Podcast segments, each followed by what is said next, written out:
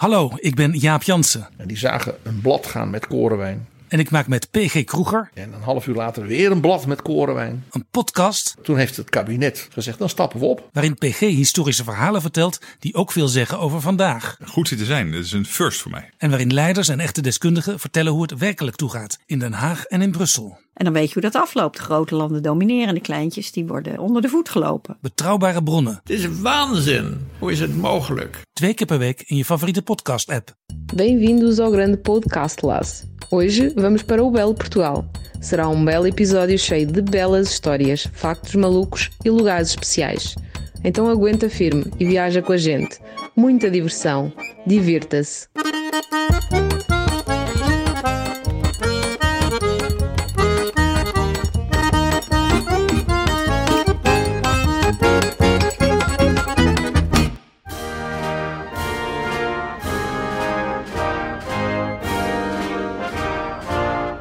Als Europa een schip is, is Portugal het kraaiennest.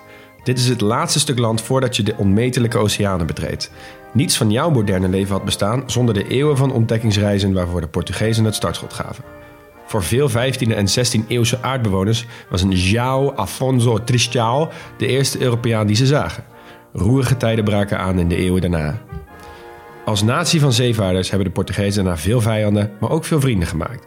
Wij Nederlanders zijn hun vrienden op cultureel, economisch en politiek vlak. Maar eens in de paar jaar komt het tot de confrontatie op de grasmat. En kunnen we de jammerende en kermende Portugezen wel schieten. Verder is alles koekenij. Maak je klaar voor een zonnige aflevering. Aan het einde van de podcast beantwoorden we weer de drie vragen. 1. Waar moeten we dit land verbellen? 2. Wat gaan we missen als het ophoudt te bestaan? En 3. Wat zouden wij doen als we één dag in dit land zouden zijn? En dan hebben we weer drie vrienden van de show die we gaan noemen. Jelmertje, Catharine Kazier en Rolf. Wil je ook vriend van de show worden? Dat kan op vriendvandeshow.nl slash de, de streepje grote streepje podcastlas. of google het gewoon even, dan kom je er ook wel uit. En dan, Ja. Hey, Portugal, hoe ging het onderzoek? ja, ja, ik, ja, ik zou, zou ik maar gewoon meteen de volgorde... Ja, ik heb sport. Ja, Dus- nou, dan ben je meteen klaar. Ja, ja. Nee, ik heb geschiedenis, dus ik ben ook... Ja, ik had geen van die drie, geen van die onderwerpen. Dus ik, heb, ik ben heel ambigu hier, want ik ga graag naar Portugal op vakantie. Ik vind het echt een tof land. Maar ja, Sportugal is toch wel een ander verhaal. Ja, ja, wij maken altijd een goed onderscheid tussen Portugal, het land vol leuke, lieve mensen, prachtige natuur en heerlijke keuken. En Portugal, het land met de, de, de zeikende en kermende Portugezen op het veld, bij vooral voetbal. Ja. Nou, daar komen we helemaal aan het eind van de aflevering. Dus eh, maar even kijken met welke bui we die, eh, die hoek ingaan. Ja, precies. Nou, paspoortje. Hey, ligging, eh, Portugal ligt in Zuidwest-Europa en bevindt zich op het Iberisch schiereiland. Het is het uiterste puntje van Europa en het grenst dus ook alleen aan Spanje. Portugal bezit ook wel wat eilanden, de Azoren. Dus dat is eigenlijk als je vanaf Portugal naar de VS vaart, dan ligt dat op een derde ongeveer. En ze hebben Madeira en dat ligt weer vlakbij de Canarische eilanden. Ja, dat is buiten de kust van Afrika. Ja, precies. Oppervlakte is ruim twee keer zo groot als Nederland en daarmee net zo groot als Hongarije. Nou, in Portugal wonen ongeveer 10 miljoen inwoners en die wonen eh, onder meer in de hoofdstad Lissabon. En andere grote steden heb je natuurlijk Porto. Ja. En ik vind het wel echt altijd mooi, zo'n rivaliteit tussen twee van die steden die aan elkaar gewaagd Ja, zijn. Ja. Rotterdam. Zeg maar. Amsterdam, Die Rotterdam. duidelijk de grootste zijn. Ja. Ja, daarna is er heel lang niks Ja. inderdaad. Dus je had in Cameroen had je bijvoorbeeld eh Yaoundé en Douala. Ja. En je hebt wel heel veel van dit soort landen waar je dan gewoon echt twee Ja. steden hebt die wedstrijd. Melbourne. Ja. Ja. Nou, je hebt verder ook nog wel Braga en eh, Coimbra bijvoorbeeld. Eh, Braga is een, eh, is een bedevaartsoord en Coimbra is een, is een universiteit. En daar gaat een beetje de Portugese soort van slagzin die heel veel mensen daar, daar zeggen. Meteen wel even goed om te weten hoe de steden zich tot elkaar verhouden. Porto works, Braga prays, Coimbra studies en Lisbon plays. nice. Dus dan weet je ongeveer wat voor steden dit zijn. Dat zouden ze ook moeten maken voor de, voor de grote vier in Nederland. Ja, Die kan je ook echt nog wel bedenken. Nou goed, voor een ander moment. ja, dus als je een goed idee hebt, dan eh, stuur, stuur hem Ja, even in. Stuur me even in. Nou, andere vette namen hebben we nog Aveiro, São João de Pesqueira en Portimao. Op mijn beste ja. Portugese Ja, echt uitspraak. ons best doen om die, om, om die slingermond erin te gooien. Wauw. Ja, precies. Als we veel van die A's vinden, dan is de Ja. aflevering geslaagd. Ja, precies. Hey, religie, eh, Portugal is een seculiere staat, maar vier op de vijf Portugees is katholiek. De taal die mensen daar spreken is Portugees, zou ook niet verbazen, maar het is wel een van de talen die het meest wordt gesproken buiten het moederland. Ja. Oh ja. ja, Brazilië natuurlijk. 5% ongeveer maar van de mensen die Portugees spreekt, woont in Portugal. Oh, echt? Ja, 5 Bizar. Ja. Dus dat is echt, daarmee staan ze volgens mij vier aan kop. Ja, dat, ik zou het niet... Ja, Spanje misschien? Ja, maar Spanje, je hebt natuurlijk wel veel meer Spanjaarden. Dus dat, eh Ja. dan moeten er wel heel veel... Ja, nou goed. Ja. Verder de achternamen, ja, jongens. ik heb hier een top eh, 22 staan. Ik ga ze niet allemaal doen, maar eh, ja, noem je er eens een paar. João, Coutinho, Mourinho, Carvalho. Carvalho Coutinho. is goed. Alles- Coutinho alles- is goed. Alles wat met LHO eindigt volgens mij. Wel veel, hè? Ja. Ja. Ja, ik noemde wel even een paar. Silva, Santos, Ferreira, Pereira, Oliveira. Costa, Oliveira, Martins, Rodriguez, Sousa, Ja, Fernandes, Ribeiro, Almeida. Nou goed, eh, dat- wie kent er niemand van deze namen? precies, ja. Eigenlijk bijna van alles wat ik noem, ken je wel iemand. Ja, ja. Hey, verder de vlag. eh, het zijn twee verticale banen. Links groen en rechts rood. Rode deel is wat groter. En op die vlag staat op de grens tussen die twee banen staat het wapenschild. En dat is ook wel een van de oudste nationale symbolen ter wereld. Ja, deze vlag is prachtig. Ja, Ja, echt heel vet. maar niet zo mooi als die van Tanja. hè? Niet- zo mooi als die van verband. Cameroen was ook vet. Ja. Ja. maar ja, met, daarom check even het logootje. Ik pak nu even je mobiel, kijk even naar het logootje. Kijk hoe mooi die vlag Maar contrasteert. dat, dat wapenschild, dat stond volgens mij ook al op die zeilen van die, van die schepen, van die ontdekkingsreizigers. Ja, dat klopt. Het staat in ieder geval op de vlag sinds 1143. Yo. Nou, dan weet je wel even... Dat is echt... Dat is meer dan duizend jaar geleden. ja. Nee. Dat is niet waar. Einde paspoort. nou,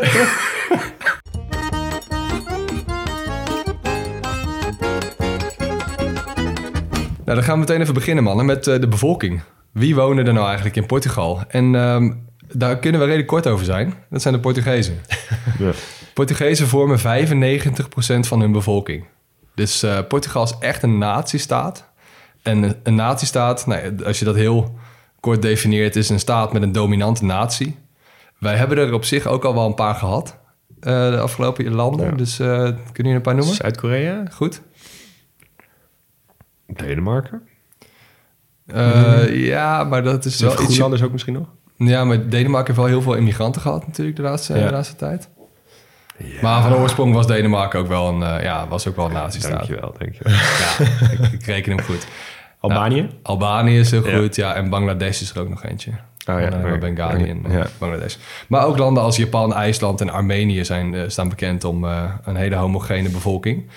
En ehm, eigenlijk eh, dat idee van, dat, van die natiestaten, dat is, hebben we in, eh, in Slovenië pas hebben we dat behandeld. Dat is ontstaan in de 19e eeuw. Eh, romantisch nationalisme, hè. de staten moesten op basis van een volk gevormd worden.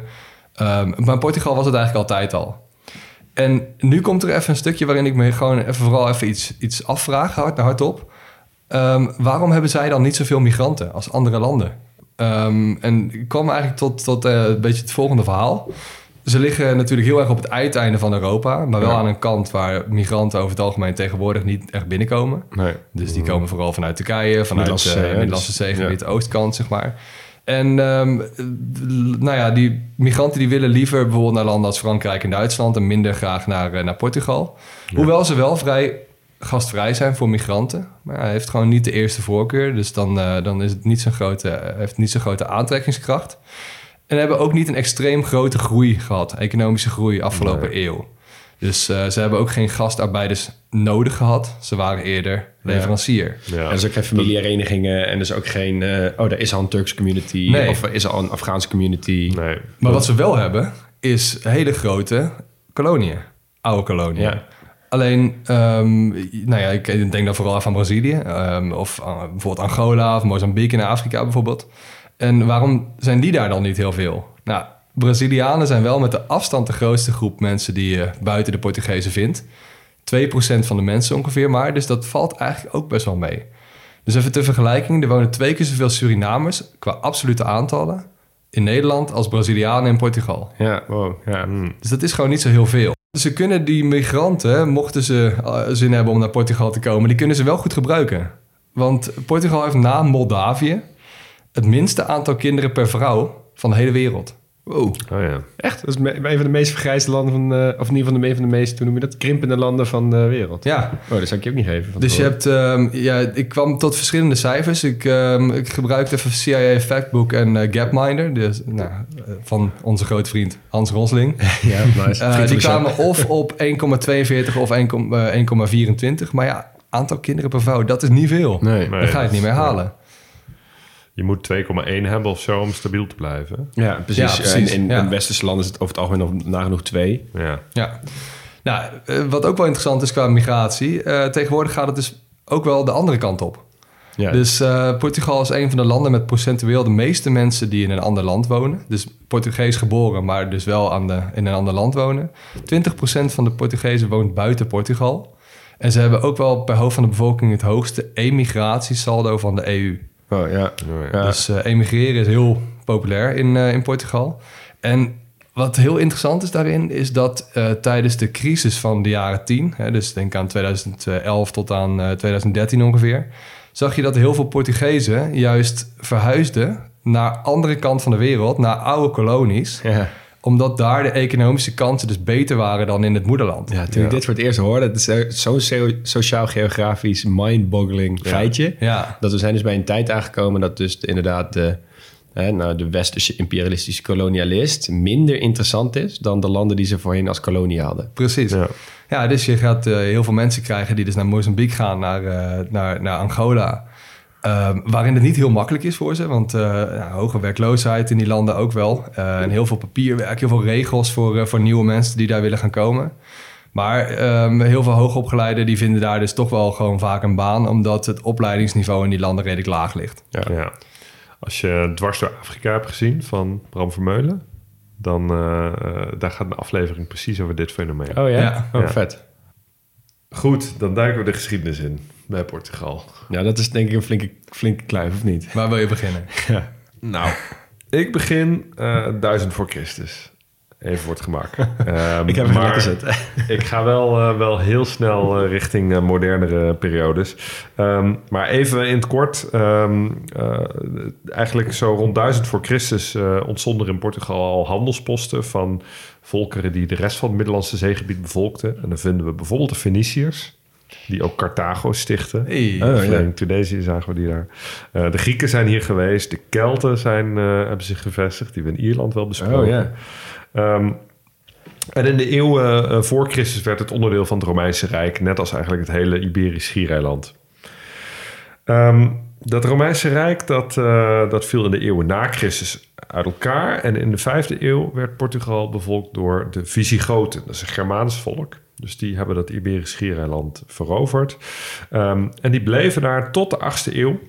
Toen kwamen namelijk Berbers en Arabieren vanuit Marokko via de straat van Gibraltar het Iberisch Schiereiland op. En die mensen kennen we als de Moren. Ja, ja.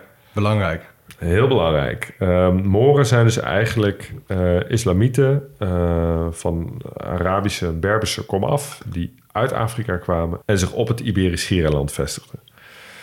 En die slaagden er eigenlijk al vrij snel in om vrijwel heel dat Iberisch Schiereiland, Spanje en Portugal te onderwerpen. Behalve Asturië. Koninkrijk in het noorden van Spanje. Een beetje het, eh, het Gallische dorpje, zeg maar, Ja. wat, eh, wat Afvallen overeind. Ja. En van, als, vanuit Asturië probeerden eigenlijk de, de Spanjaarden en de Portugezen... Nou, de mensen die, die oorspronkelijk woonden in, op het Iberisch Schiereiland... ehm, het land te heroveren. En die strijd die staat bekend als de Reconquista. Goeie uitspraak, goeie uitspraak. En die Reconquista was dus een, eh, eigenlijk een eeuwenlange strijd... waarin ehm, eh, ja, die mensen uit Asturië stukje bij beetje land heroverden op de Moren. Steeds verder naar het zuiden. En in die heroverde gebieden er werden koninkrijken gesticht. Eh Castilië bijvoorbeeld, eh, Leon, Aragon. Ehm, maar enkele samenvoegingen en afsplitsingen later was in de 12e eeuw het koninkrijk Portugal in het westelijk deel van het Iberisch Schiereiland een feit. Dat is eigenlijk eh, eh, ja, het begin van de staat Portugal zoals we die nu kennen. Dat is Zo oud. oud, hè? ja. Oh. Ja, heel oud. Eh, dat besloeg dus het huidige Portugal, maar nog niet de Algarve, want die was op dat moment nog niet heroverd op de, op de Moor. Het Algarve is het meest zuidelijke deel Ja, van, ja. van Portugal. Ehm, nou, tot in de 15e eeuw bleven de Moren eh, op het Iberisch Schiereiland. Toen werden de laatste uit het uiterste zuiden van Spanje verdreven. En was dus het Iberisch Schiereiland weer vrij van Moren en heroverd eigenlijk door, door christelijke koninkrijken. Ja. Nou, terug naar Portugal. Portugal kon zich heel goed ontwikkelen eigenlijk al vanaf die 12e eeuw. En ik zat te denken van hoe kan het nou dat Portugal eh, zo vroeg, ver voor eigenlijk de Ja. Britten en de Nederlanders, zo'n dominant rijk zijn geworden? Ehm, nou, wat natuurlijk helpt is een gunstige ligging. Eh, het is de- de- het kraaiennest van Europa. Eh, ehm, het, het ligt natuurlijk al dicht bij eh, gebieden die nog onontdekt waren. Ja. Dus dat helpt. Ehm, je hebt veel kust, dus je kan makkelijk zeevaren. Ze hadden ook een grote traditie als zeevarend volk. Maar wat ook helpt, is dat ze eigenlijk maar één grens hadden met één ander land, namelijk Spanje. En Spanje werd ook al tamelijk snel een verenigd koninkrijk. Hè, al die, die afzonderlijke koninkrijken in Frankrijk tijdens de Reconquista, die, eh, ja, die, die werden in de 15e eeuw ook al een land.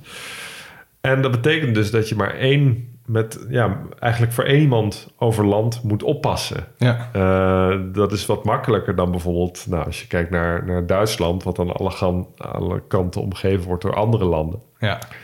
Ehm, dus dat is, eh, dat is geopolitiek wel een voordeel. Bovendien is Spanje natuurlijk een groot land en het vormt een buffer met andere Europese koninkrijken. Ja, ja. Dus, eh, dus de Franken die komen niet zo makkelijk eh, aan Portugal toe, want die komen in Spanje tegen. Ja, die- die schiereiland is natuurlijk best wel makkelijk te verdedigen. Ja, Ja, exact. en bovendien wilden al die lui wilden allemaal land. Ja, waar is het meeste land? In het oosten. Ja, precies. Ja, Ja. ja.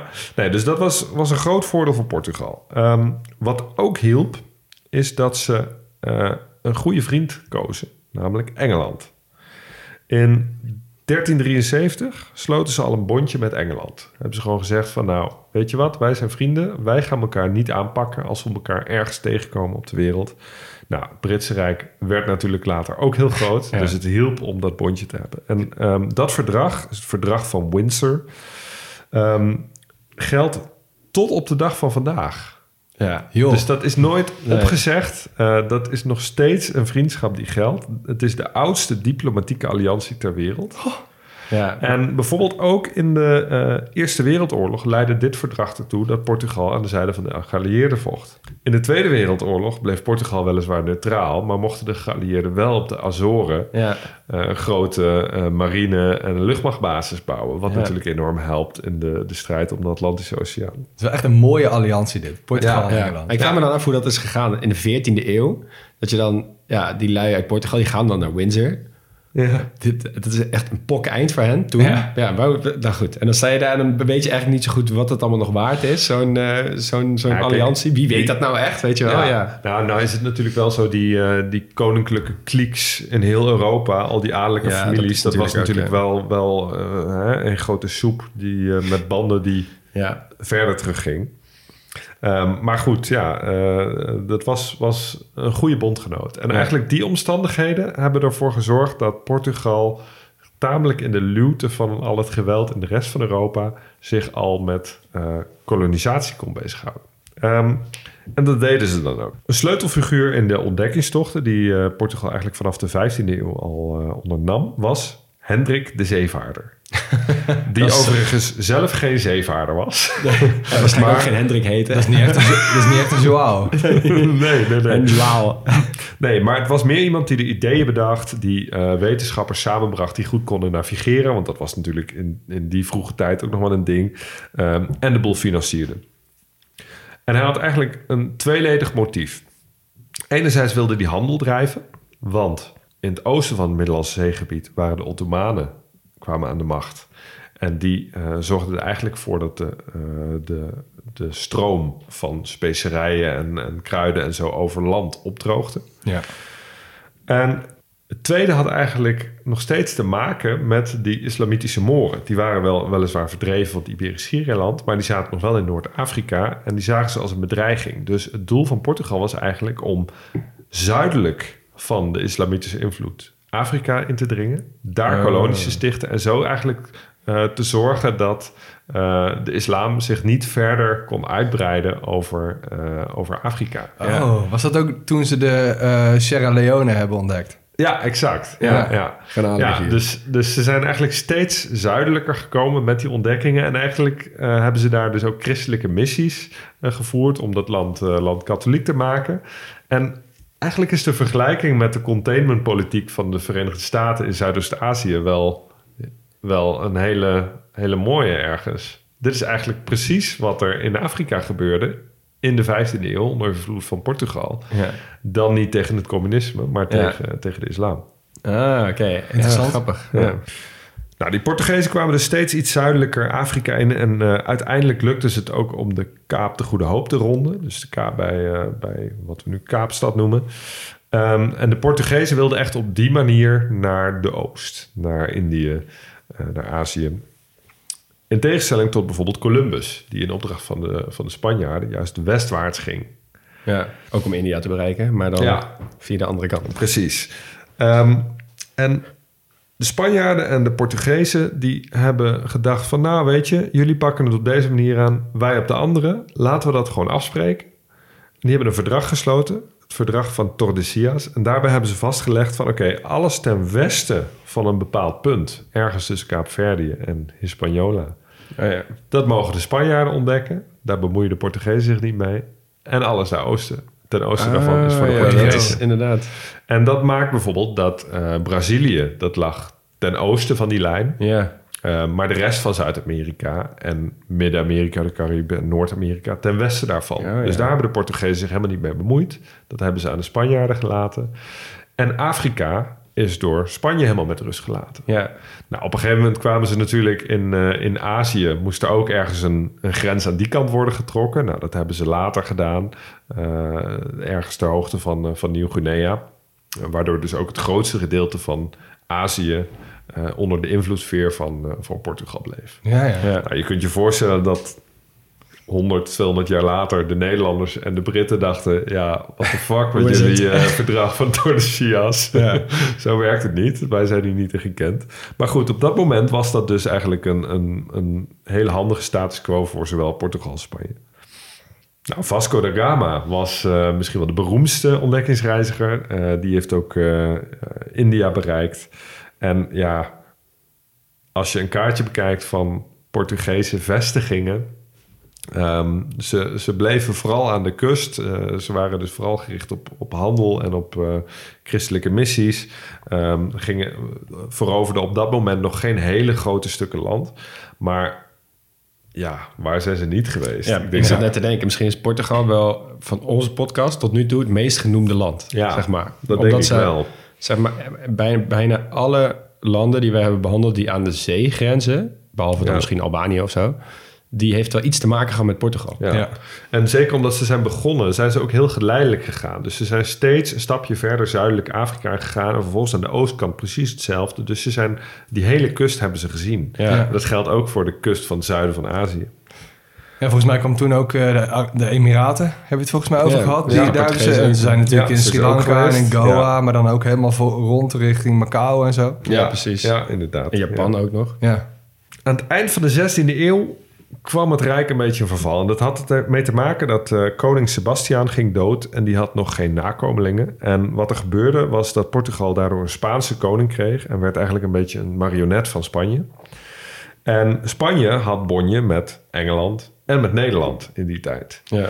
Dus dat betekent, eh, betekende voor Portugal ook dat hun bezittingen in Afrika werden gezien als een soort van ja, eh, afhankelijkheid van Spanje. Dus die werden aangevallen door de Nederlanders, door, door de Britten. Ja, die Britten zagen eigenlijk een weg om dat, om dat verdrag van Windsor heen.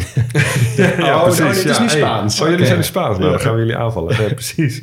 Ehm, en de- de- dat is dus wat er gebeurde. En het, het, het Rijk raakte daardoor in, in verval. Ehm, Brazilië, Angola, Mozambique bleven wel nog eh, belangrijke en grote kolonies... die ze ook steeds verder de binnenlanden in gingen koloniseren. Eh, in Brazilië werd eh, zilver, goud en diamant gevonden. Dus dat vormde wel een belangrijke bron van inkomsten.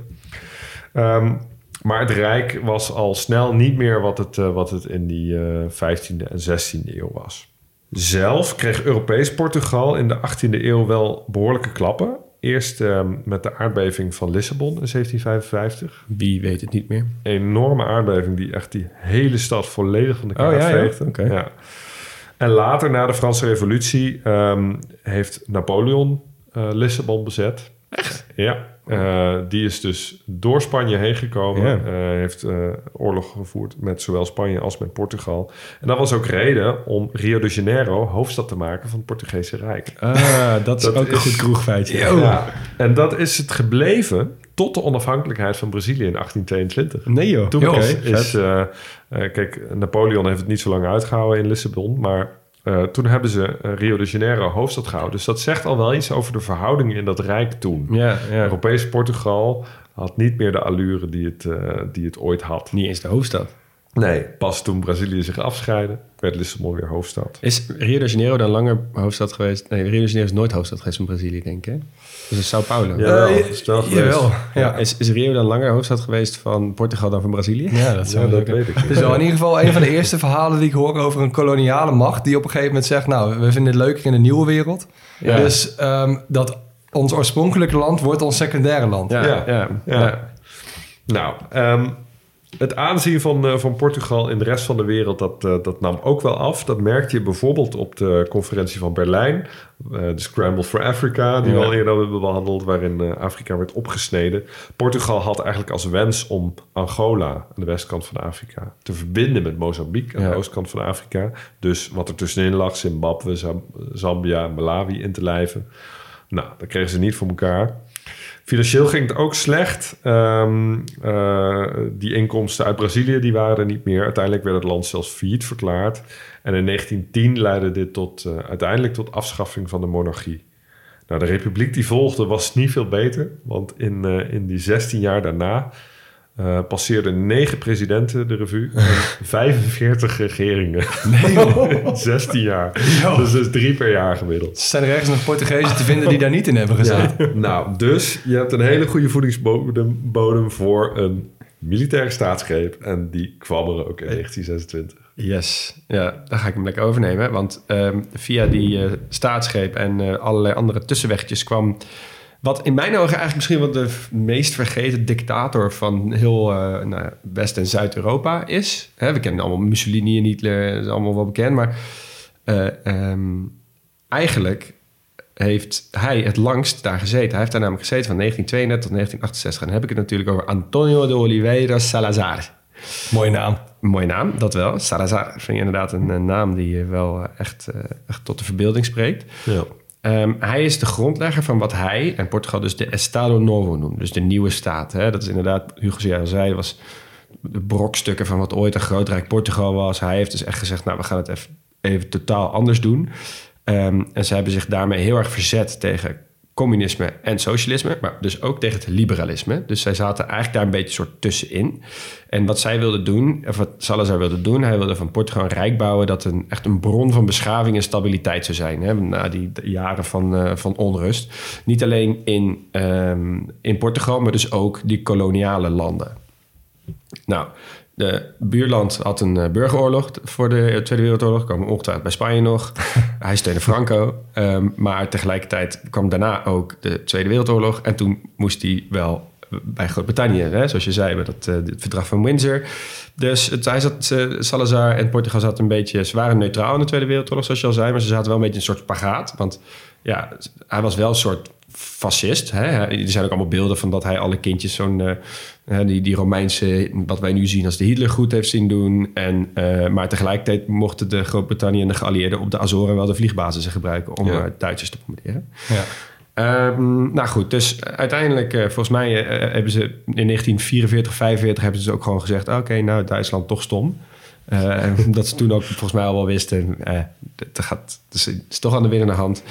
Eh, en daardoor mochten ze dus in 1949 ook al meteen toetreden tot de NAVO. Wat ik best wel bijzonder vind eigenlijk. Ja, oprichtingsland. ook, Oprichtingsland, precies.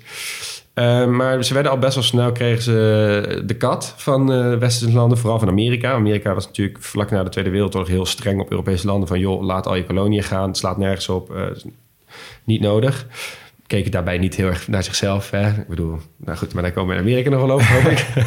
uh, maar dus uh, Angola, Mozambique, maar ook... Uh, je hebt de Portugese Guinea, heb je ook nog een heel klein stukje land. Oh, ja. um, in, die, ja, in die Guinea... Guinea-Bissau, toch? Ja, ja. in Guinea-Bissau-hoek. Um, maar wat hij toen zei, is ze werden wel provincies van Portugal, dus geen koloniale gebieden. Maar de mensen die er wonen, werden niet Portugees. Een soort schijnoplossing. Mm -hmm. um, dus uh, er was heel veel binnenlandse, uh, er was niet heel veel binnenlandse druk nog om het te veranderen. Het, was het liep allemaal nog een soort, hè, het kabbelde maar voort.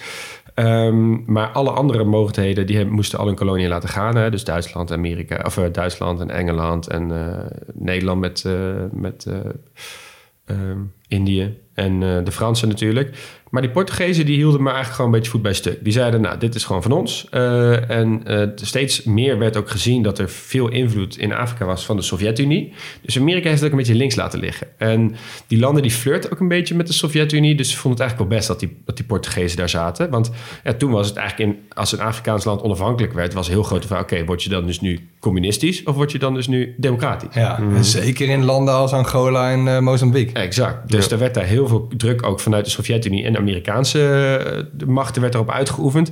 Nou, over die onafhankelijke, nou, over die verschillende onafhankelijkheidsstrijden in die landen in Afrika zullen we het bij die landen wel hebben, want dat is ongetwijfeld heel interessant.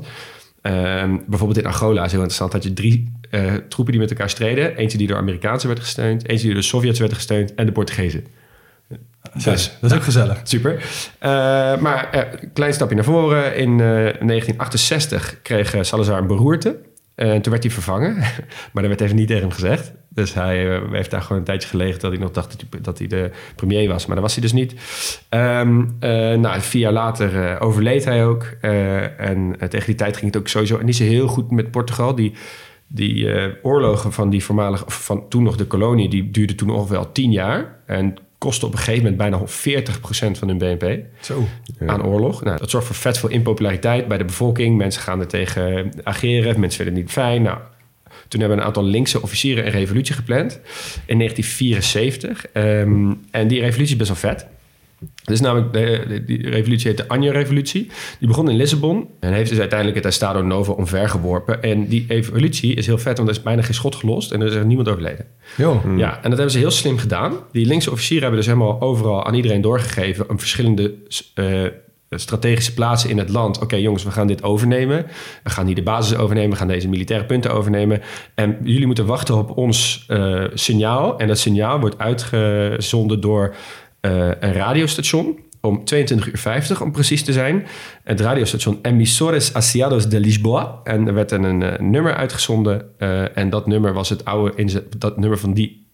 En dat nummer was het nummer wat ze dat jaar hadden ingezonden voor het Eurovisie Songfestival. nee joh. Ja, daar werd gewoon, dat werd door de radio heen gesproken. En als ze dat hoorden, dan moesten ze, dat was een teken, bam, nu kun je die basis overnemen. Uh, en dan mochten ze dus nog niks zeggen over, niks communiceren. En dan was er een tweede signaal, dat was het soort een volkslied, Grandola Villa Morena van Zeca Afonso. En dat was het signaal voor de leiders dat de staatsgreep soort van was gelukt. Dus dat ze konden praten. Wow. En dat ze konden zeggen dat het was gelukt. Nou, dat hm. nummer gaan we een heel klein stukje van luisteren.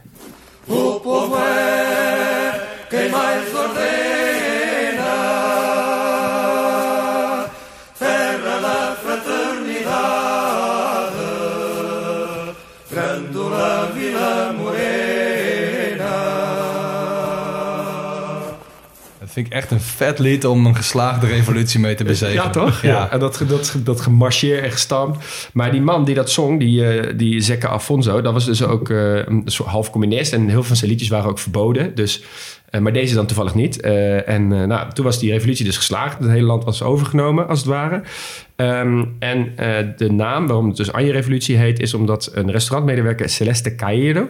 die bood Anjers aan aan de soldaten die de straat op gingen... zodat ze niet gingen schieten. En dat werd op een gegeven moment... zijn dat allemaal legendarische beelden... dat ze die bloemen in de, in de loper loop, van ja, de geweer hebben gedaan. Ja. En tot vandaag de dag, 25 april... is dit dus ook een nationale feestdag.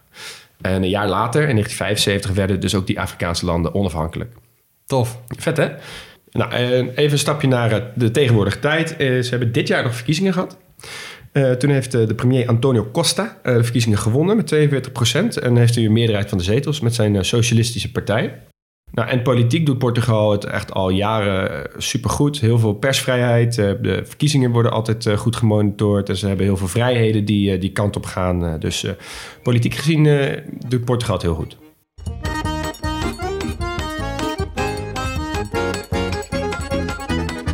Nou, Leon, politiek eh, gaat het voor de wind. Eh, hoog democratisch gehalte en zo. Maar economisch is het de laatste twintig jaar toch wel sprake van, eh, van best wel wat stagnatie.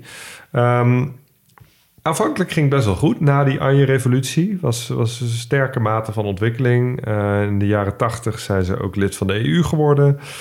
Vanaf het eerste begin hebben ze de euro als munteenheid ingevoerd. Ehm, en zijn ze flink opgeklommen. En ze kwamen van ver, hè? want in 1974 was het echt een van de armste landen in Europa.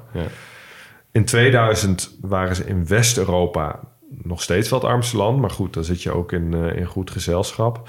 Maar de verschillen met die andere landen in West-Europa waren wel eh, flink afgenomen. Maar daarna begon eigenlijk een beetje de klad erin te komen. Ehm, in 2001 was het het eerste land ooit wat boven de afgesproken 3% grens kwam van begrotingstekorten die toegestaan waren binnen de eurozone. En als gevolg daarvan- werden de teugels flink aangehaald, eh, flinke bezuinigingen om dat eh, maar weer, eh, maar weer terug, terug te drukken. En het lukte ter nauwe nood. Maar we weten allemaal wat er in 2008 is gebeurd. Ja, dat is geen goede timing. Nee. Ehm, het, eh, de kredietcrisis sloeg toe. En voor Portugal was dat eigenlijk een klap die ze er helemaal niet bij konden hebben. In 2009 steeg het overheidstekort naar 10%. Ehm, dus eh, ja, ze kwamen gewoon flink wat geld tekort om de boel draaiende te houden. En eh, dat betekende dat de staatsschuld enorm toenam. Tot op het punt dat ze hun leningen eigenlijk niet meer konden terugbetalen. En in 2011 hebben ze een lening moeten afsluiten van 78 miljard euro bij de Europese Unie en het IMF. Ja. Om de boel een beetje te redden. Nou, dit is een beetje overschaduwd in ons nieuws tegen alle ontwikkelingen die eh, parallel hieraan gaande waren in Griekenland. Ja. En in iets mindere mate in, in Spanje en Italië. En in Ierland op een gegeven moment. En ook. in Ierland, ja. Ja. Maar ook in Portugal was de, was de situatie heel heftig. En wat er ook anders was aan de situatie in Portugal vergeleken met de andere... was dat het dus in Portugal eigenlijk sinds 2001 al heel matig ging met de economie. Ja, dat is gewoon beter het een beetje eh, zeggen dat Ja. zwemmen tegen de stromen in. Ja, dus ze, ze hadden al een achterstand. Terwijl in die andere eh, Europese landen juist sprake was van een soort zeepbel. eh, van een enorme groei dat het ineens knapte in 2008. En voor Portugal kwam dit er ook nog eens bovenop. Ja. Nou, ehm, dat zien we terug in allerlei cijfertjes. Eh, tussen 2000 en 2010 ontwikkelde het eh, BBP per hoofd van de bevolking in Portugal zich bijvoorbeeld slechter dan in de Verenigde Staten tijdens de Great Depression. Wow, dat zijn flinke Dus cijfers. Het is ja, echt flinke stagnatie. Ehm, de staatsschuld eh, als percentage van het bruto binnenlands product was 50% in 2000 en 126% in 2012. Zo. Dus al die jaren van overheidstekorten hebben ze, de, hebben ze die staatsschuld enorm moeten opbouwen. In 2013 bereikte de werkloosheid een record van 17,5% van de beroepsbevolking. Ehm, ja, dat, zijn- Dat was wel echt een beetje het jaar, hè? Zo Ja. Ja, 2013, rond die, jaren. dip. Dat je ook last dat sommige Ja. delen in Spanje 25% had of zo. Dat, eh, dat was een waanzin. Ja, dat Leon Boelens eh, afgestudeerd en de Ja. werkende markt opkwam. En een van de 25.000 mensen als die solliciteerden voor een baan bij de overheid. Ja, maar ook een jaar waarin mensen van Zuid-Europa, bijvoorbeeld Spanje heel erg, maar Portugal volgens mij ook, ehm, echt massaal naar Duitsland gingen en naar Nederland om, om Ja. banen te zoeken. Ja. ja. Ja. in Spanje was het inderdaad eh, vergelijkbaar slecht qua, qua werkloosheidspercentages. Ehm ja, ze hadden die lening dus heel hard nodig om, eh, om hun schulden af te dekken. Maar in ruil daarvoor moesten ze ook opnieuw forse bezuinigingen doen. En dan kom je eens in een soort neergaande spiraal. Want het overheidstekort wordt opgelost door bezuinigingen en belastingverhoging. Nou, het gevolg is dat dat een negatief effect Ja. heeft op de welvaart. Ehm, het heeft een negatief effect op de economie, want eh, minder welvaart betekent ook minder uitgaven van Ja. de bevolking. Ehm, betekent ook eh, meer werkloosheid. Eh, en dat heeft weer een negatief effect op de overheidsfinanciën, waar het mee Ja. begonnen was. Ja. Want je moet meer uitkeringen uitkeren. Je hebt minder bronnen om belasting op te heffen. Ehm, dus het is heel lastig om daaruit te klimmen. En dat kan dus echt alleen met flinke herstelfondsen die ze hebben gekregen. De invoering van de euro wordt door veel economen wel als een factor gezien die hier eh, een oorzaak van is geweest. Al is het lastig eh, eh, om, om dit precies te duiden. Zeker omdat de situatie in Portugal net iets anders is verlopen dan in die andere Zuid-Europese landen die kampten met schulden. Ehm, maar feit is wel dat, dat de euro eigenlijk te sterk was voor de Portugese economie in de Ja. staat waarin die verkeerde toen de euro werd ingevoerd. Ehm, Portugal kon zijn eigen munt zelf niet devalueren sinds de euro er was. Eh, kan de rentestand niet zelf bepalen. En dat zijn toch wel knoppen waar je kan draaien om eh, van dit soort uh, ja, uh, Slechte situaties iets verwijderd te blijven. Ja, Ja. precies. Ja, ik vond het in dat nieuws en altijd heel interessant dat ze dat probeerden te duiden om gewoon te zeggen, joh, eh, we hebben toen die euro gestart. En toen zijn we er eigenlijk maar gewoon vanuit gegaan dat iedereen dan ook een even sterke economie heeft. Ja. Al die mensen die in die euro terechtkwamen. Ja. Terwijl er eigenlijk gigantische verschillen waren. Ja. Ja. Ja, en ook, maar ook toen, toen was er echt heel grote politieke tegenpolen tussen meer bezuinigen en juist niet meer bezuinigen. Zeg maar. Ik weet nog dat dat heel heftig was toen in de politieke discours. Ja. Nou, sinds enkele jaren krabbelt de economie wel weer langzaam op. Ehm, nou, waar bestaat die economie dan uit? Als we kijken, eh, de, ja, het is, een, het is een moderne westerse economie. Dus de dienstensector is verreweg het grootst, gevolgd door de industrie en dan pas landbouw, bosbouw, visserij. Ja. Maar toch, zoals we wel vaker doen, ga ik eh, even de landbouw eruit pakken. Want die is gewoon in veel opzichten voor ons als geografen interessanter. Want het zegt heel veel over een land. Over wat je er kunt verbouwen, wat je er kan doen. Ehm, je ziet dat de landbouw natuurlijk veel meer in het land terug... dan eh, van alles wat zich in een kantoor eh, bevindt. Dus daar even naar kijken. Nou, de visserij is natuurlijk van oorsprong heel groot. Ehm, veel, veel kustgebieden, komen we straks bij Keuken nog wel over te spreken. Ook de bosbouw. Portugal is een heel bebost land. Helaas ook veel last van bosbranden natuurlijk. Ehm, en eh, wat daar bijvoorbeeld eh, groeit, dat zijn eh, Johannesbroodbomen. en daar komen Johannesbroodpitten vandaan. Dat kennen we wel van Johannesbroodpitmeel. Jullie hipsters moeten dat toch wel kennen. Ze, ze zijn marktleider erin. Eh, De grootste leverancier van eh, Johannesbroodpitten in de wereld. Komt mij voor als een redelijk obscuur grond, eh, grondsoortje. Ik tel hem er ook gewoon bij. het, is, het lijkt gewoon vier woorden die je gewoon achter elkaar plakt. Mail schrijf je gewoon met M-A-I-L. ja, precies, ja. Ehm, waar ze ook marktleider in zijn, dat zijn eh kurkbomen. Oh ja.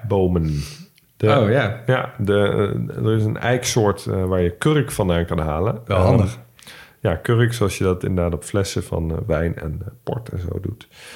Dat doe je door eens in de, in de paar jaar ehm, de schors van de boom te verwijderen.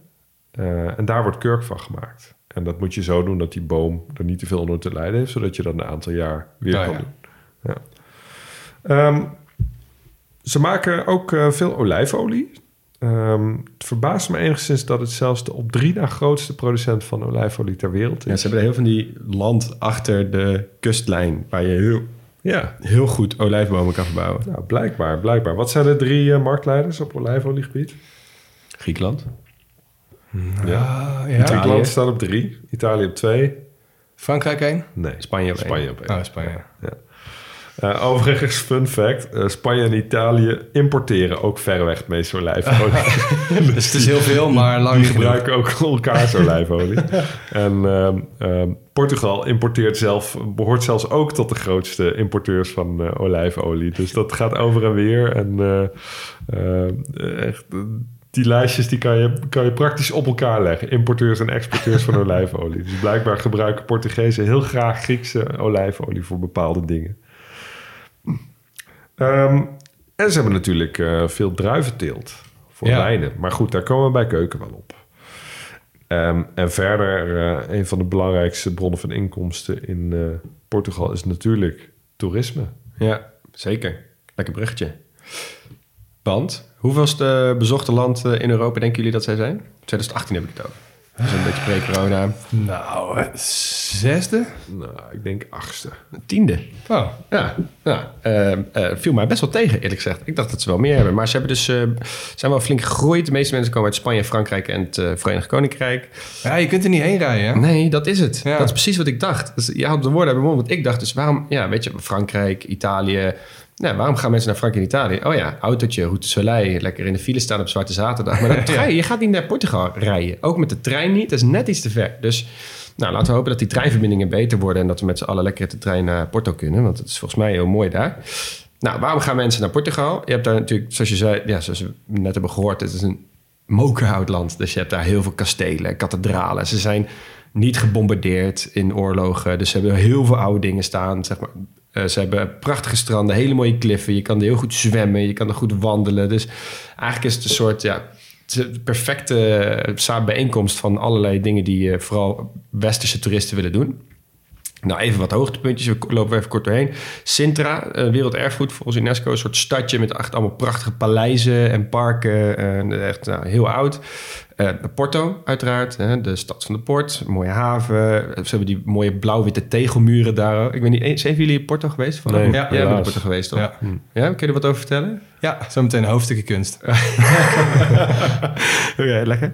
Ehm, eh, en in Porto heb ik me laten vertellen... heb je de allermooiste boekenwinkel van de wereld. Oh ja? Ja, de Livraria Lello, Leggio. Ehm, eh, het is een 100 jaar oude boekhandel. Helemaal met betoverende architectuur en houtwerk. Zet wel een plaatje op de socials. Die, Eh, eh, die brug, die is ook tof. Die De brug, brug die van Eiffel. Ja, een soort eh, Oh, ja. Golden Gate Bridge van, eh ja, een soort van Golden Europa. Gate Bridge meets Eiffeltoren. Ja, ja, die is inderdaad ook vet. Eh, en wat je daar dus ook hebt, is volgens ve- velen... eh, met 12.518 reviews op Google en 4,3 sterren... eh, de allermooiste McDonald's van de wereld. Allemaal behangen met tegeltjes overal. Nou, ik was hier... Ik, mijn reactie was in eerste instantie hetzelfde. Maar ik heb een filmpje gezien. Ik zou ook inderdaad even een filmpje van het foto's plaatsen. Het is echt prachtig. Ja? Overal details en mooie glas in lood... en hele Huh? oude... Maar McDonald's zien er toch overal ter wereld hetzelfde uit van binnen? Ja, think again. Hugo. Want Niet het is van Portugal. Precies, het, is dus, het zit dus in een gerenoveerde ruimte die vroeger werd ingenomen door het zogenaamde Café Imperial. Een, schijnbaar een hele beroemde koffietent die, waar allemaal mensen toen samenkwamen in Porto. Eh, Dus eh, als je er bent, eh, stuur even een fotootje op. Of ga er haal, En een hamburger. Haal, een burger of een, of een McFlurry, zelf weten. Nou, je hebt natuurlijk Lissabon waar veel mensen heen gaan. Je hebt daar Belém, dat is die historische wijk, heel mooi daar. Die historische tram waar alle, een beetje tourist trappy, maar ziet er wel prachtig uit. Aan de waterkant heb je allemaal prachtige leuke dingen. Ik ben er ook ooit een keer tien jaar geleden geweest en toen... toen struikelden wij werkelijk. En, ik zeg struikelen, maar het is ook echt struikelen. Want die hele stad ligt vol met soort kinderkopjes die mega glad zijn. Omdat er duizenden mensen overheen lopen. En elke in sommige straten van, van Lissabon moet je niet vallen. Nee, maar echt. Want dan is het echt stuit naar beneden. Ja, ze, hebben, die stad ook heel praktisch gebouwd op een stuk of zeven bergen of zo. Dus, dus iedereen stuit de hele dag die, eh, die stad door. Ehm, maar je hebt daar, eh, wij, wij stuiten er dus toen op een echt een prachtige eh, eh, soort voorstelling met vuurwerk en zang. En op elkaar afgestemd eh, met de beat en allemaal met water en zo. Ze doen er dus nog steeds heel veel met dat water. Ja, ze snappen wel hoe je met eh toerisme moet omgaan. Ehm, Ik wil echt graag naar Lissabon trouwens. Het is echt een vette Zo'n stad. vette stad. Ja. Jullie zijn er allebei geweest? Ja, ik zit aan het, om te denken om misschien deze zomer weer te gaan. Maar goed. Maar je- wat je dus nog meer hebt in eh, Portugal natuurlijk is de Algarve. Hè, zoals je zei, het zuidelijkste stukje heb je Faro, Albufeira. eh, vooral veel stranden, lekker warm daar natuurlijk. Eh, Coimbra is, eh, ligt precies tussen Lissabon en Porto in ongeveer. Echt prachtige stadsaanzicht. Ook al die kleurige huizen met een beetje wittig en zo. Heel mooi. Eh, Madeira, eilanden. Daar ben ik wel geweest. Madeira? Ja, Wat heb je daar gedaan dan? Eh, gewandeld vooral. Oh ja, Echt heel vet. biodiversiteit gekeken. Geklommen waarschijnlijk. Ja, geklommen. Ja. Ja. nou ja, we- we- wat, je daar, wat daar wel tof is, ze hebben daar een heel mooi eh, irrigatiesysteem rondom eh, die berg lopen eigenlijk. Ja. Waarmee ze, wat ze dus gebruiken om het, om het land te irrigeren. En daar heb je paadjes langs lopen. Eh, die ze maakten om, om nou, dat die waterkanaaltjes te kunnen onderhouden. En die kun je nu gewoon als wandelroute gebruiken. Dus je hoeft daar juist helemaal niet zo heftig te klimmen Oh, ja, om dat door de berg te eh, wandelen. Want oh, je ja. kan gewoon langs die kanaaltjes, Nevada's noemen ze die, kan je lekker wandelen. Ja, jij begint Daarom- ja, ze hebben hier een mooi irrigatiesysteem. Ik dacht echt, ja, laat het maar aan mijn vriend Hugo. Maar misschien is daarom Madeira ook wel heel geliefd bij Britse bejaarden. ja, ja. Maar goed. Het is wel mooi inderdaad verschil tussen met de Azoren. Want dat is dan weer echt een, een net iets andere groep. Churchill had ook een eh, buitenhuis op Madeira. Is het zo? Ja, wist ik niet. Nou, maar, maar Azoren is echt tegenovergestelde inderdaad. Daar kan je, kan je lekker op het strand liggen. Het is lekker warm daar. En je kan ook heel, veel, heel goed walvis kijken. Natuurlijk daar, midden in de oceaan Ja. eigenlijk. En eh, ik weet ook dat er veel eh, fietsers gaan er ook heen om te wielrennen. Nou ja, En je kan daar lekker vulkaantjes klimmen. zo. Yes. En die vulkaantjes, die zijn er ook. Ja, nou, dan gaan we even beginnen. Eerst met het, gewoon het, het, deel dat niet op het vasteland ligt. Hè. Dus je hebt de Azoren en Madeira. Grappige daarvan is wel dat het zijn natuurlijk vulkanische eilanden, heel bergachtig. En de grootste, of de hoogste berg van Portugal ligt dus ook op de Azoren. Ja. Mount Pico. En eh Mount Pico is 2351 meter hoog. En dat op slechts 5 kilometer van de zee. Dus dat gaat behoorlijk snel omhoog. Oh, ja. ja. En eh, dan, dan zit je echt dik boven de boomgrens bijvoorbeeld ook. Dat is echt, eh, wel echt interessant. Wat nog wel interessanter is eigenlijk... is dat op zowel de Azoren als Madeira... de Laurisilva voorkomen. En dat is Spaans voor laurierbos. en nu denken jullie... eh Maxi, jij weet hier toch niks van? Een soort edelwijs vandaar of wat? Nee, nee, nee. Dit is, nee, dit is wel echt tof. Want ehm, dat zijn bepaalde bossen waarvan de bladeren niet van de boom vallen en dus altijd groen blijven. Doen het heel goed in warmere en vochtige klimaten. En het grappige hieraan is, dit is het bos, een soort bos waar Europa oorspronkelijk mee bedekt was. Ah, een soort oerbos. Ja, vet. voordat alle ijstijden kwamen. Oh joh. Dus miljoenen jaren geleden, toen we het supercontinent Gondwana hadden. Nou, best gek dat we zoveel landen al besproken hebben, maar nog niet het supercontinent genoemd hebben. Was voor een groot deel bedekt met dit bos. En ehm, door de ijstijden is het in Europa uiteindelijk verdwenen. En vind je vooral nog fossielen vanuit die tijd. Oh, vet. Maar alleen ehm Macaronesië. Ik heb het Macaronesië? niet verzonnen. Maar dat is dus het gebied waar ook de Azoren en Madeira in vallen. Maar bijvoorbeeld ook de Canarische eilanden en Kaapverdië. Daar vind je dit nog. Dus als je wil weten hoe bos miljoenen jaren geleden er in Nederland uitzag... dan ga dan even naar de Portugese overzeese gebieden. Vet. Ja, nou, verder Portugal mainland. eh, dat, dat maritieme karakter dat het land heeft, eh, komt natuurlijk ook niet uit de lucht vallen. Want ja, je hebt, de zee is echt nooit, nooit heel ver weg. Het is eigenlijk best wel een lekker klimaatje. Het is Ja. heel mediterraans. En ehm, het is aan jou de keuze of je, de, hoe, hoe zonnig je dat wil hebben, zeg maar. Hè? Die Algarve waar je het over had, Leon, die, dat is de me- het meest zonnige deel, het meest droge gebied ook. En ga je naar het noorden, dan regent het veel meer. Ja. En eh, dan kan het ook echt serieus best wel regenachtig worden. Zie je ook in de noordwestenhoek van Spanje bijvoorbeeld. eh, Bij Vigo en, eh, en, en, en A Coruña bijvoorbeeld re- regent het heel veel. Ehm, maar Lissabon bijvoorbeeld staat heel hoog op alle Europese lijstjes... als het gaat om ideaal klimaat door het jaar heen. Oh ja? Want het is 300 dagen per jaar zon. Gemiddelde temperatuur in januari is 11 graden en eh, 25 graden in augustus. Nou, Ja, dat is ook niet super warm. niet nee, het is niet smoorheet inderdaad, Nee. wat je in zo'n bijvoorbeeld Zuid-Spanje wel ziet. Maar het is gewoon niet te nat, eh, maar ook niet te droog. Het is ook wel mooi groen, kan het zijn. Dus Lissabon, topstad. Ehm, dan verder nog even mijn persoonlijke interesses. Ehm, waar denk je heel snel aan als je het hebt over de hoogste golven van de wereld? Dan denk je toch wel aan Hawaii en misschien Australië, Indonesië, Zuid-Afrika, wat dan ook. Maar nee, het is Nazaré. En Nazaré ligt gewoon niet gewoon drie kwartier rijden van, van, Li- van Lissabon ongeveer. En dat is wel echt interessant, want voor die kust ligt een gigantisch onderwaterravijn. Wat als een soort trechter naar de, gol, naar de, naar de kust toe loopt. En dus steeds smaller wordt. Dus alle hele hoge golven die er komen in de, ehm, in de herfst, in de winter en net in het begin lente. Die, vou- die vouwen zichzelf allemaal naar binnen. En dat stuk wordt gewoon steeds smaller. Dus dat water hoopt zich zo erg op, dat moet ergens heen. Ja, En dat heeft dus gigantische golven. eh, Ja. Zorgt, dat, zorgt dat voor. Dus eh, ook even fun fact. eh, de hoogste golf die ooit gesurfd is, is ook in Nazaré. Oh. Dus eh, 8 november 2017, go- eh, toen surfde de Braziliaan Rodrigo Coxa op een golf van 24,4 meter hoog. Holy.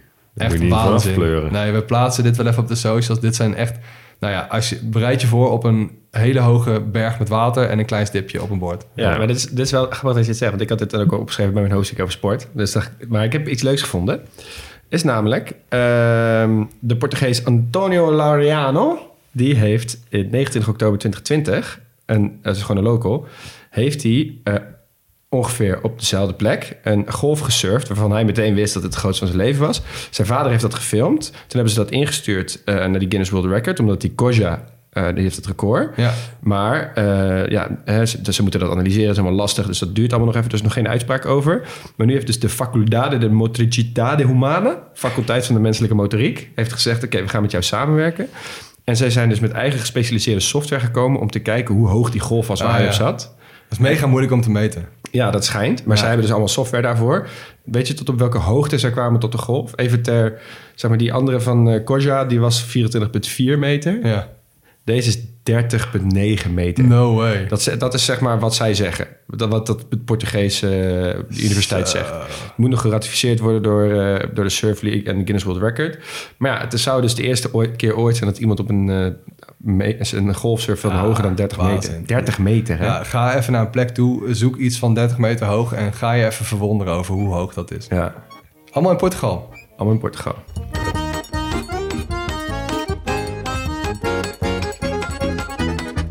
Oké, kunst. In de breedste zin van het woord. En Portugal heeft wel echt een hele beroemde muziekstijl... die heel erg aan Portugal wordt toegedicht. En waar hebben we het dan over? Fado. Yes. En de fado is een muziekstijl die in de vroege 19e eeuw is ontstaan in de wijken van Lissabon. Arme wijken van Lissabon. Dus het is echt een soort volksmuziek. Denk aan een levenslied. Het kan over alles gaan als het maar met het geluk of het ongeluk Ja, van het gewone leven te maken De smartlap. Ja, een beetje een soort smartlap, ja. Eh, liefde is natuurlijk een belangrijk thema, zoals misschien wel in alle muziek. Eh, dus eh, liefdesverdriet en gewoon on, onbeantwoord verlangen bijvoorbeeld... Is, zijn echt grote thema's in de fado. Het, een beetje, het is best wel melancholisch. Een beetje, nou ja... ja het, is best wel, het kan best wel triest zijn, als ik het, als ik het zo goed kan interpreteren. Ehm, Salazar, hij vond het de ultieme uitdrukking van de Portugese volksziel. Dus wat je wel eens hebt, hè, dat je gewoon heel eh, populair volksvermaak hebt... en dan krijg je zo'n dictator die het allemaal maar niks vindt. Maar nee, Ja. Salazar die vond, het, die vond het wel wat. En dat kwam de fadistas, dus nou ja, hè, de, de mensen die dat dus zongen... Ja. ehm, best wel goed uit, want die kregen dus heel veel aandacht ook van het regime. Dus rond ehm, de tijd dat Salazar aan de macht was... kende de Fado echt een bloeitijd. En na de Anja-revolutie, hè, die je net, eh, net besprak... eh, ging het dus niet zo goed meer met de Fado... omdat je die heel erg sterk die associatie Ja, had met die dictatuur. Oh, ja. ja. Heb je een fragmentje? Ja, ik wou zeggen. Ja, zeker heb ik een, fragmentje. Want ik heb een fragmentje van Amalia Rodriguez. Even goed om te weten. Zij is een van de belangrijkste fadista's. Eh, maar zij kreeg in de jaren negentig een hoge nationale onderscheiding. En dat maakte dus de vader weer populairder. Dus we gaan even een stukje luisteren. Nasceu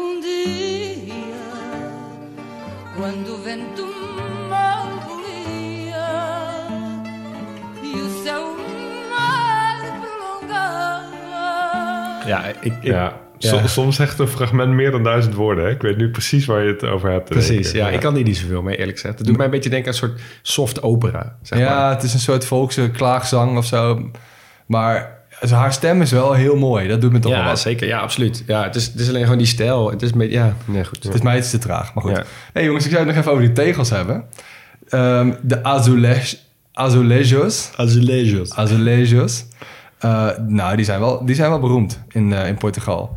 En die hebben dus ook eh, nou ja, heel veel te maken met de moren. Dus die kan ook echt niet losgezien worden van die specifieke tijd. Dus ehm, vanuit eh nou ja, Arabisch Schiereiland, daar was het in de middeleeuwen al heel populair. En het kwam dus vanaf de 15e eeuw ook in Portugal terecht. En nu vind je ze echt overal. Dus in kerken, in kloosters, in paleizen. Hè, dus je had het over Sintra. Je hebt daar Palacio de Peña. Eh, dat is wel de- echt een grote plek waar je, dat, eh, waar je die, die tegels kunt zien. Maar je vindt ze echt eigenlijk ook heel erg in het dagelijks leven. Een soort Dels Blauw. Ja, kom ik Maar zo op. Heel leuk. Oh, goed, dat je, goed dat je daarover begint. Ehm, huizen, parken, tegen, trappenhuizen. Dus echt in het dagelijks leven kom je ze ook heel veel terug. En ehm, als je naar Portugese trein- en metrostations gaat, moet je ook opletten. Want daar komen ze dus ook in hele grote versies komen ze daar, Oh, terug. vet. Dus Ja, nice. ehm, nou ja, ga dat even doen. Ik heb ze zelf nooit gezien in de trein en de metrostations. Maar wel echt tof. En nou ja, je kunt con- concluderen dat Portugal eigenlijk gewoon een soort één groot tegeltjesmuseum is. Eh, het schijnt wel dat je bij oude huizen wel een beetje moet oppassen, want er komt er nog wel eens eentje naar beneden zetten. Die wil je niet op je hoofd krijgen.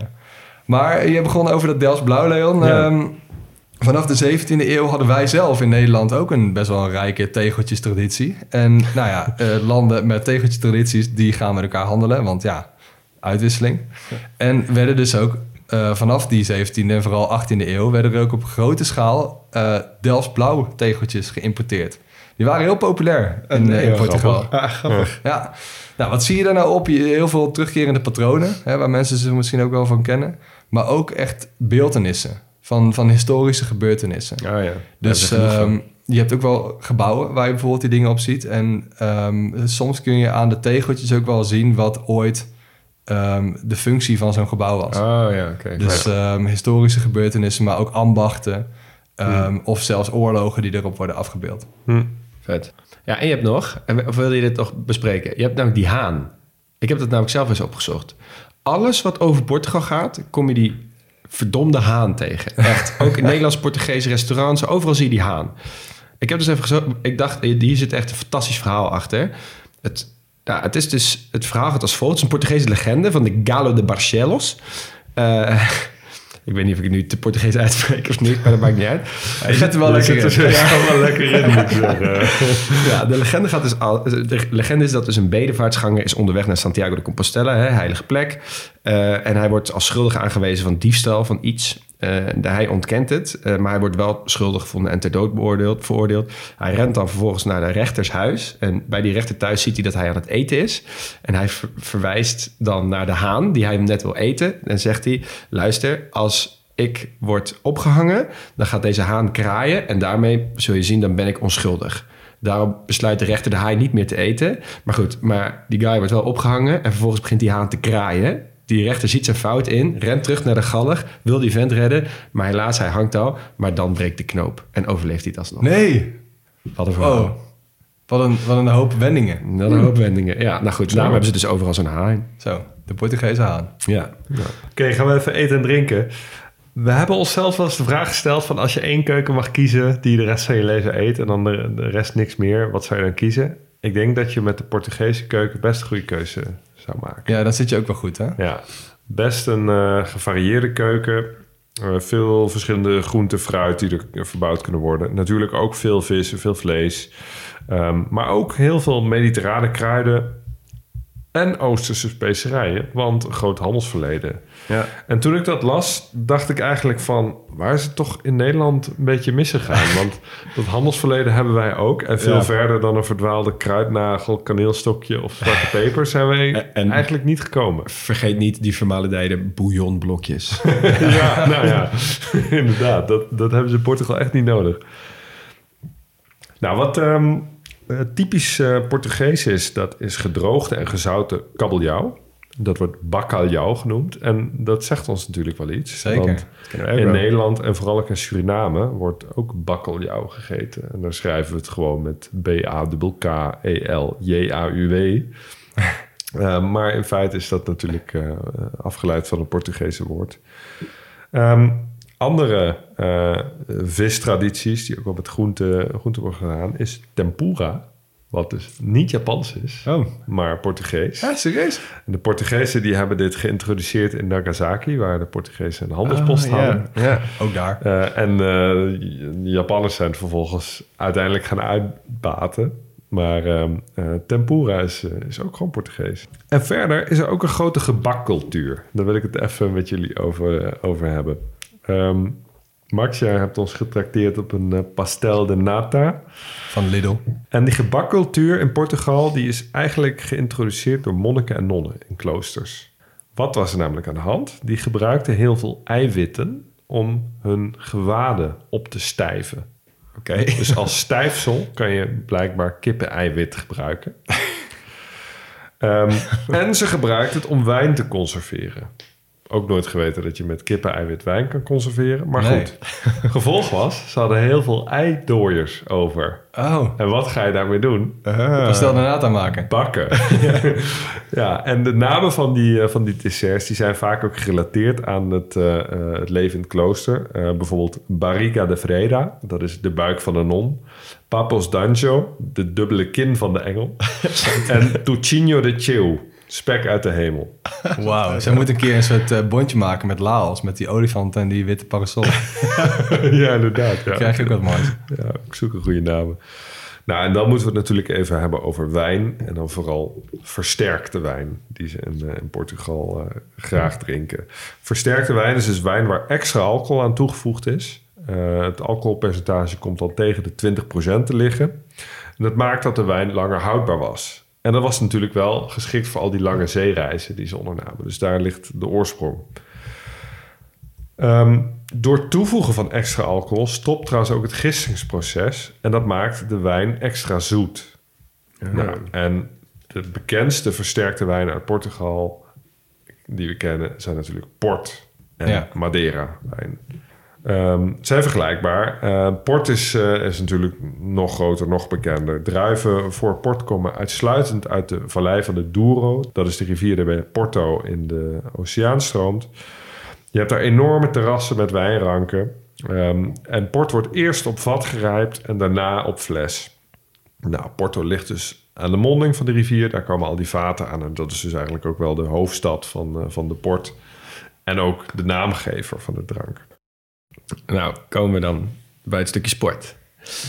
Nogmaals, voor te beginnen, even kort het onderscheid tussen Portugal en Portugal. Portugal is namelijk het prachtige land waar we het net over hebben gehad. Vol lekker eten, mooie natuur, fantastische mensen. Iedereen is gezellig, aardig, vriendelijk, allemaal leuk. Dus Portugal is eh, de bloedirritante bul van het Nederlands elftal... vol jankende, zielige en tijdrekkende zeiksnorren. Om dat even gezegd te hebben. Kijk, Portugal heeft prachtige voetballers. Legendarische namen natuurlijk. Hè. Denk aan een Cristiano Ronaldo, Eusebio, Figo, Deco, Nani, Caresmo, Carvalho, Pepe en natuurlijk die hatelijke Maniche. Ja, ik heb ook wel meer namen gehoord waar ik de kriebels Ja, van krijg. hoor. Zeker, maar het is wel echt die hatelijke Maniche. Ja. Ehm, nou, voor de mensen die niet zo vaak voetbal kijken, waarom hebben wij nou zo'n hekel eh, aan eh, de Portugezen? Dat is omdat ze ons in eh, 2004 in de halve finale hebben ze ons naar huis gestuurd.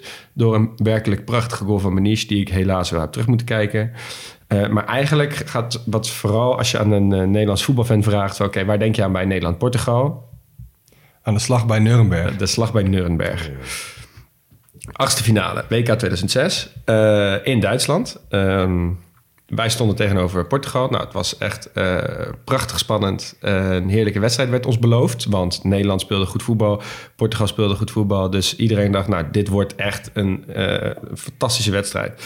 Maar eigenlijk vanaf het begin af aan ging het al best snel mis. Ik heb even alle, alle overtredingen, of niet alle overtredingen. Ik heb alle kaarten terug zitten kijken. Oh, Ehm, help. Dat is echt een soort van trauma. nou, fix dag voor jou. Ik niet? heb gelu- nou, gelukkig slash ongelukkig hebben we daarna nog genoeg trauma's moeten verwerken... om deze weer inmiddels in het eh, ancient eh, history te kunnen laten plaatsen. Maar ehm, er waren 16 gele kaarten.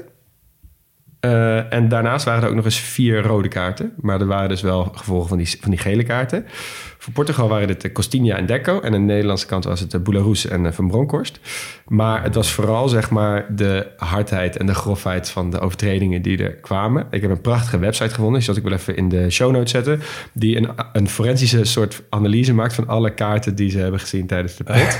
en het is echt prachtig, want het is echt hoe Ronaldo bijvoorbeeld onderuit wordt geschoffeld door Boularoes. Dat is werkelijk een ziekenhuid tackle. Eh, Figo geeft nog een kopstoot, die wordt eh, gemist. Eh, Deco, die, die, die snijdt echt iemand onderuit, wat echt verschrikkelijk is. En wonder boven wonder is bijvoorbeeld iemand die als enige, of een van de weinige spelers die in de basis begon, die geen kaart heeft gepakt, is Snijder. Terwijl hij wel nog mensen ver heeft geduwd. Nou goed, het is, ze, hebben allemaal, ze stonden op een gegeven moment 1-0 voor vanaf de eerste helft. En dat hebben een beetje zeurend en miepend die, die seconde over de streep getrokken. Ik word er gewoon helemaal onpasselijk van, eh, van dit verhaal alweer. Ja, ik zie je kijken. Ik ben zelden zo zagrijnig en agressief zien Hoe was kijken. het voor jou dan? Was het dus het zelf van de sessie? Of was het toch wel van, nou, het is lang genoeg geleden is- ik kan het alweer hebben? Het is, dat, dat laatste was het een beetje. Ik heb terug zitten kijken en ik heb... Ja, dit soort dingen kijk ik niet zo vaak terug. Ik heb steeds te kijken en ik dacht, oh ja, dit was wel, oh ja, dit was ook een kaart. Oh ja, dit was ook echt een kaart. Oké, dit was ook echt een gele kaart. Maar in mijn herinnering was die scheidsrechter zat die fout. Ivanov, maar. toch? Die Ivanov. Ja. Ja. ik dacht altijd, oh, hij heeft heel erg vroeg gezegd, oké, niks gaat gebeuren terwijl ik op het veld sta, dus ik ga iedereen een gele kaart geven. Maar dat is dus helemaal niet zo. Ik ben dus ingedoken en er zijn dus 64 duels dat toernooi gespeeld. Mogen jullie nagaan op de hoeveelste plek Portugal-Nederland kwam qua aantal overtredingen? Dus waarvoor is gefloten? Nou, als je het zo stelt, dan viel dat eigenlijk nog wel mee. Ja, doe maar tiende dan. Wat zeg jij, Huug? Ik denk veel lager dan dus. Ja, dat zit jij goed, want het was namelijk de 61ste. Nee joh. Ja, er waren maar drie potten waar minder overtredingen zijn gemaakt. Maar Zijn als er iets gebeurde, was het wel... eh, is wel elke keer aanslag. hij heeft 25 keer op zijn fluit geblazen en 16 keer werd dat een kaart. En eh, uiteindelijk was dat echt voornamelijk gewoon terecht. Kijk ze maar terug. Echt handsballen en echt zieke, zieke tackles. Ehm, fun fact, het is zijn laatste officiële wedstrijd op een eh, WK of EK Oh ja, van Maar dat is niet omdat hij het slecht heeft gedaan, maar omdat hij gewoon te oud werd. En er is daarna nog een interview met hem geweest en dat is echt eh, prachtig. Ehm, want hij zei, ja, wat, wat mij nog het meest verbaasde... is dat de spelers na afloop direct waren afgekoeld. De Portugezen vierden feest en de Nederlanders verwerkten hun teleurstelling. Alle spelers waren kalm en niemand kwam klagen. Zelfs de spelers niet die ik van het veld had gestuurd. En als afsluiting, ik weet niet of je dat beeld nog kan herinneren... dat zeg maar aan de zijkant tegen de laatst tellende minuten... dan zie je Deco, Boulahus en Giovanni van Bronckhorst met z'n drieën naast elkaar zitten. ja. En dan strafbankje. op het strafbankje een beetje ouwe hoeren... omdat ze alle drie een rode kaart hadden gekregen. Oei, oei. Wil je hier nou over ophouden? Ja. Zullen we gewoon naar de Olympische Spelen gaan of zo? Ja, ja, zullen we nog eventjes... Mochten er nog mensen luisteren? Zullen we nog even kort de Olympische Spelen doen? Ja, eh, want eh, Portugal is natuurlijk een eh, groot sportland. Olympische Spelen, hoeveel medailles denken jullie dat, dat ze hebben gehaald? Ja, En- veel wel. Meda eh, gewoon medailles Ja, of alleen goud? Tientallen. ja, gewoon gouden medailles. Ja, inderdaad ook wel een stuk of 60, 70. Wat denk jij? Nou, vind ik wel veel. Ik denk 40. Het waren er vijf. Ja. Ze kunnen helemaal niet zoveel goed. Hè, serieus? Ja, ze hebben vijf keer goud geworden Nou, met dat atletiek. dan wel weer leuk. Ze op Ja. school met eh, Denemarken tijdens de winterspelen of zo? Ja, ze hebben 28 medailles gewonnen in totaal. Dat is niks. En dus wat ik dus ook grappig vind... op de WK, hun beste resultaat ooit is vierde. In 2006. Ja, lekker voor ze. Met en voor de rest, met voetbal. En voor de rest is het allemaal niet geplaatst of, eh, of groepsfase. EK hebben ze ook nooit gewonnen, toch? Ja. Wel joh, in 2016. Oh, hier. Maar eventjes nog even een klein beetje terugkerend op die 2004. Toen ze, toen ze van eh, Nederland wonnen in de halve finale. Toen hebben ze in de finale verloren van... Weet je dat nog? In 2004 zei je? In Griekenland, ja. Ja. Zo. Van Ja, Griekenland. van Griekenland. was ik zo'n tuigteam. Ja, dat was, maar dat was wel de deceptie van dat jaar. Want toen zij tegen Nederland moesten in de halve finale... dachten ze, oh nee, het wordt heel lastig. Maar als we dit winnen, moeten we tegen de winnaar van Griekenland-Tsjechië. Dus dan komt het goed. En toen verloren ze 1-0 van Griekenland in de finale. Fantastisch.